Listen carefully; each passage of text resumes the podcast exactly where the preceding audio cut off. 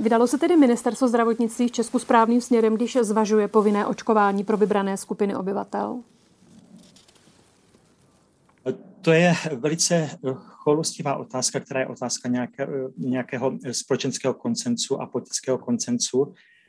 Já osobně jsem jednoznačně pro povinné očkování v určitých profesích, například u zdravotníků nebo pracovníků v oblasti sociální péče, tedy tam, kde opravdu může dojít k šíření viru poměrně snadno a cílová skupina je vysoce ohrožená.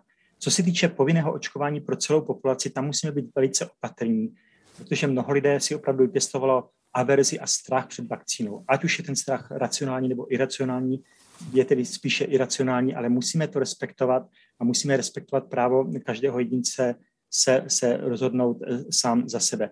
Čili z hlediska vědeckého a z hlediska ochrany, ochrany zdraví je to zcela jednoznačné, že povinné očkování by nám pomohlo zvládat eh, současnou epidemii, ale eh, doporučuji postupovat s maximální opatrností, používat všechny možné pozitivní, pozitivní incentivy, pozitivní mechanismy předtím, než budeme, budeme prohlášíme tedy očkování za povinné. Budoucí kabinet se k opatření staví spíše odmítavě. Budoucí ministr zdravotnictví Vlastimil Válek v DVTV řekl, že uvažování o zavedení povinného očkování je teď mimo realitu. Povinné očkování u dospělé populace je krok do tmy. Nikdy nic v historii lidstva jako povinné očkování u dospělé populace nebylo. Navíc je před námi registrace nových vakcín. To zná, pojďme řešit ty věci v České republice tak, jak jedna po druhé jdou.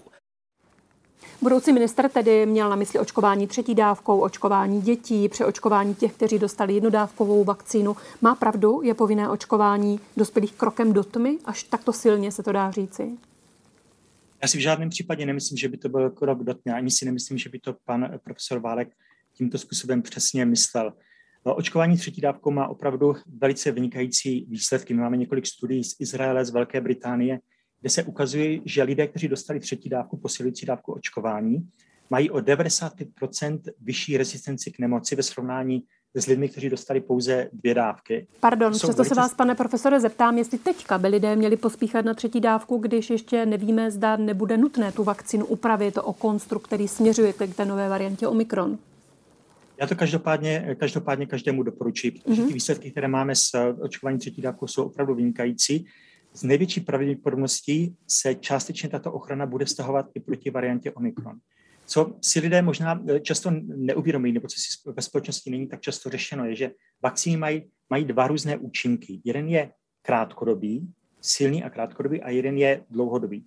Ten silný a krátkodobý účinek je indukce neutralizačních protilátek, tedy vysoké, vysokého množství protilátek, které jsou schopny inhibovat virus, které se navážou navážou na virus zabrání jeho vstupu do, do, do cílové buňky. A to je to, co vás chrání po několik měsíců po vakcinaci.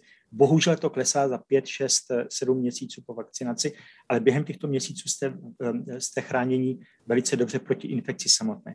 Ten dlouhodobý účinek je účinek proti prodělání, eh, proti těžkému eh, eh, vývoje nemoci a ten je účinek dlouhodobý a ten je především přenášen eh, eh, eh, paměťovými buňkami, jak B buňkami, tak, tak T buňkami, které jsou připraveni, jsou rozmnoženy v těle a v případě infekce i po, nějak, po více než pěti, šesti měsících se velice rychle rozmnoží a jsou schopni inhibovat virus.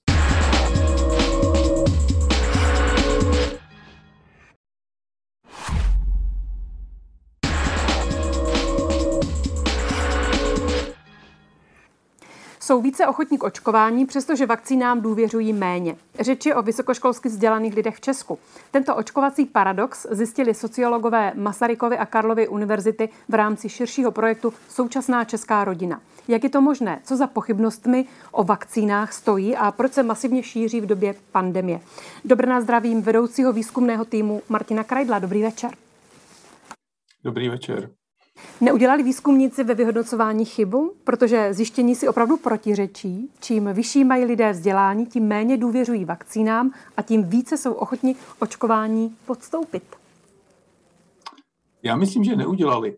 Ono, to, co na první pohled vypadá jako paradox, takový protimluv, bude možná z nás pochopitelné, když si uvědomíme, jak lidé o tom současném očkování přemýšlejí a co je k tomu nějakým způsobem motivuje nebo vede.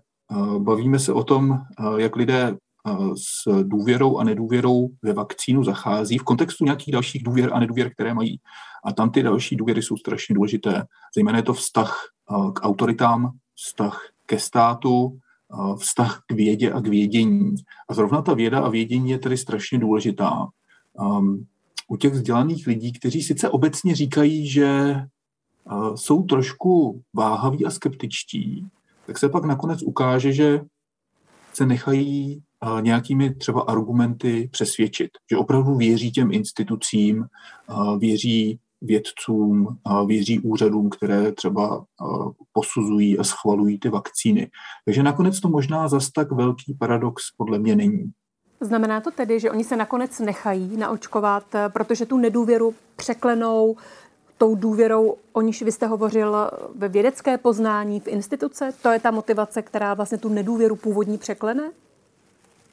Mají k tomu eh, velké předpoklady, aby skutečně ty své počáteční pochybnosti překonali.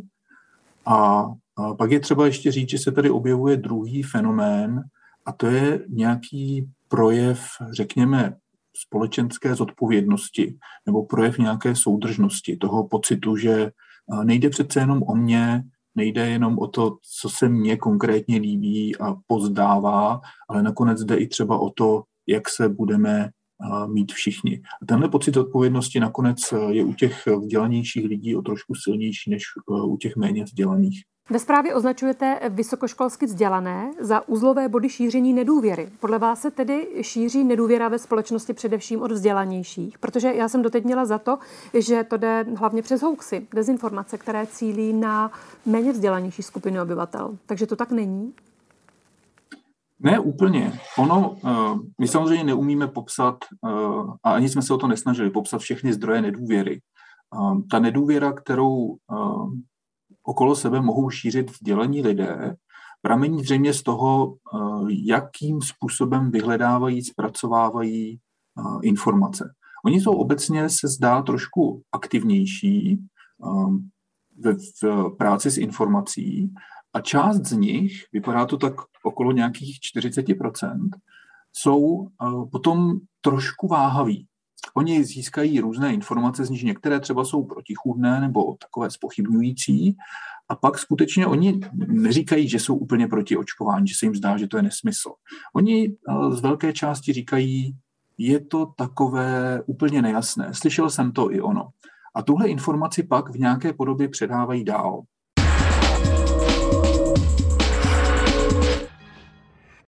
No a tohle mohli slyšet diváci pořadu God Morgen Norge v norské televizi.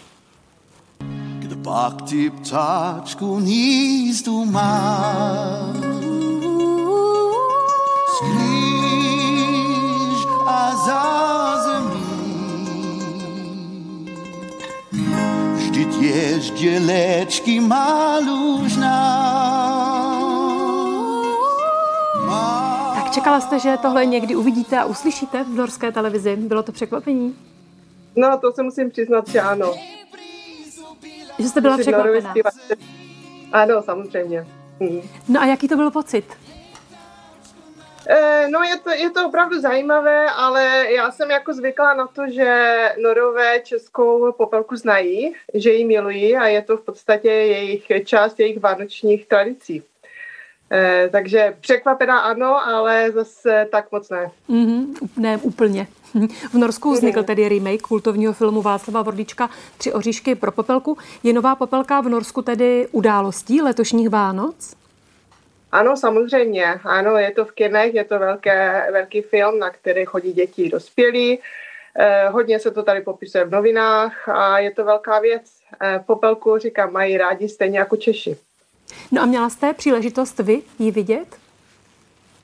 Mě, příležitost jsem měla, ale ještě jsem se na ně ne, nestihla podívat. E, já miluju českou popelku, takže jsem e, byla trošku pozdě na to se do toho kina se za to podívat. Takže zatím ještě ne, ale vím, že spousta norů a kamarádů od mých dětí už popelku viděli. No a nestihla, anebo tak trochu i nechtěla? Nemyslíte, že třeba byste byla trochu zklamaná? Já, říkám, vyrostla jsem v Čechách, já jsem se vlastně odstěhovala do Norska, kolem, když mi bylo 20 let, takže já jsem na Popelce vyrostla a českou popelku s Vybušin Šafrankovou miluju, takže jsem byla trošku skeptická k tomu, když Norové vytvářeli svoji vlastní verzi. No a myslíte, že narazí u českých diváků norská verze, protože většina spojuje skutečně štědrý večer s tradičními třemi oříšky pro popelku z roku 1973? Jestli může mít ano. v Česku úspěch? E, těžko říct, to nemůžu posoudit. E, možná mladší generace, možná děti, které jsou zvyklé na víc akcí. Je, je to teda e, udělané tak, že, že to je nasměřováno na děti, jsou tam nové efekty, krásná norská příroda. Takže snad jo, těžko říct, i když říkám, možná nevím, jak se jim podaří vystihnout tu poetiku z klasické české popelky.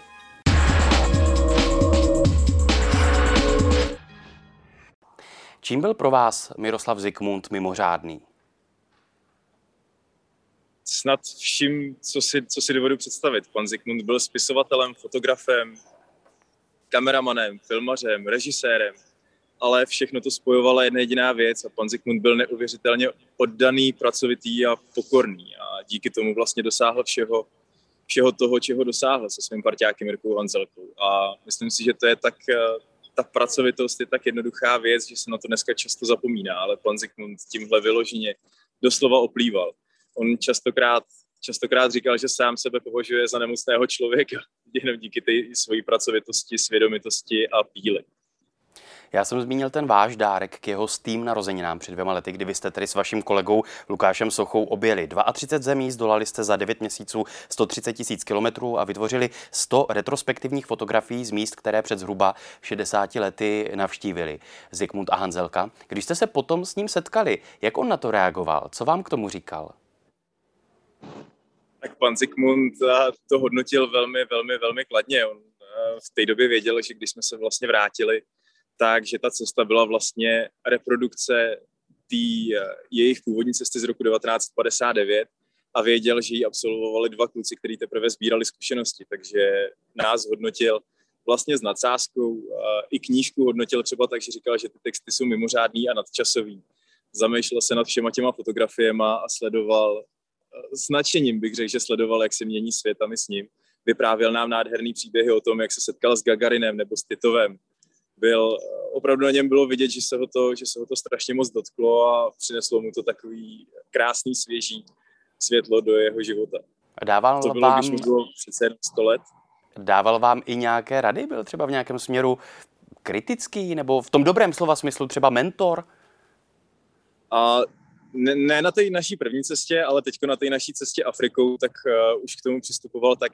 Dokonce můj první návrh na to, jak by měla expedice Z101 vypadat, tak, uh, tak trošičku jsme ze stolu a donutil mě to přepracovat, protože uh, už říkal, že máme zkušenosti na to, aby jsme mohli tomu projektu dát víc a že cestování by nemělo být jenom cestování o, a ukazování fotek.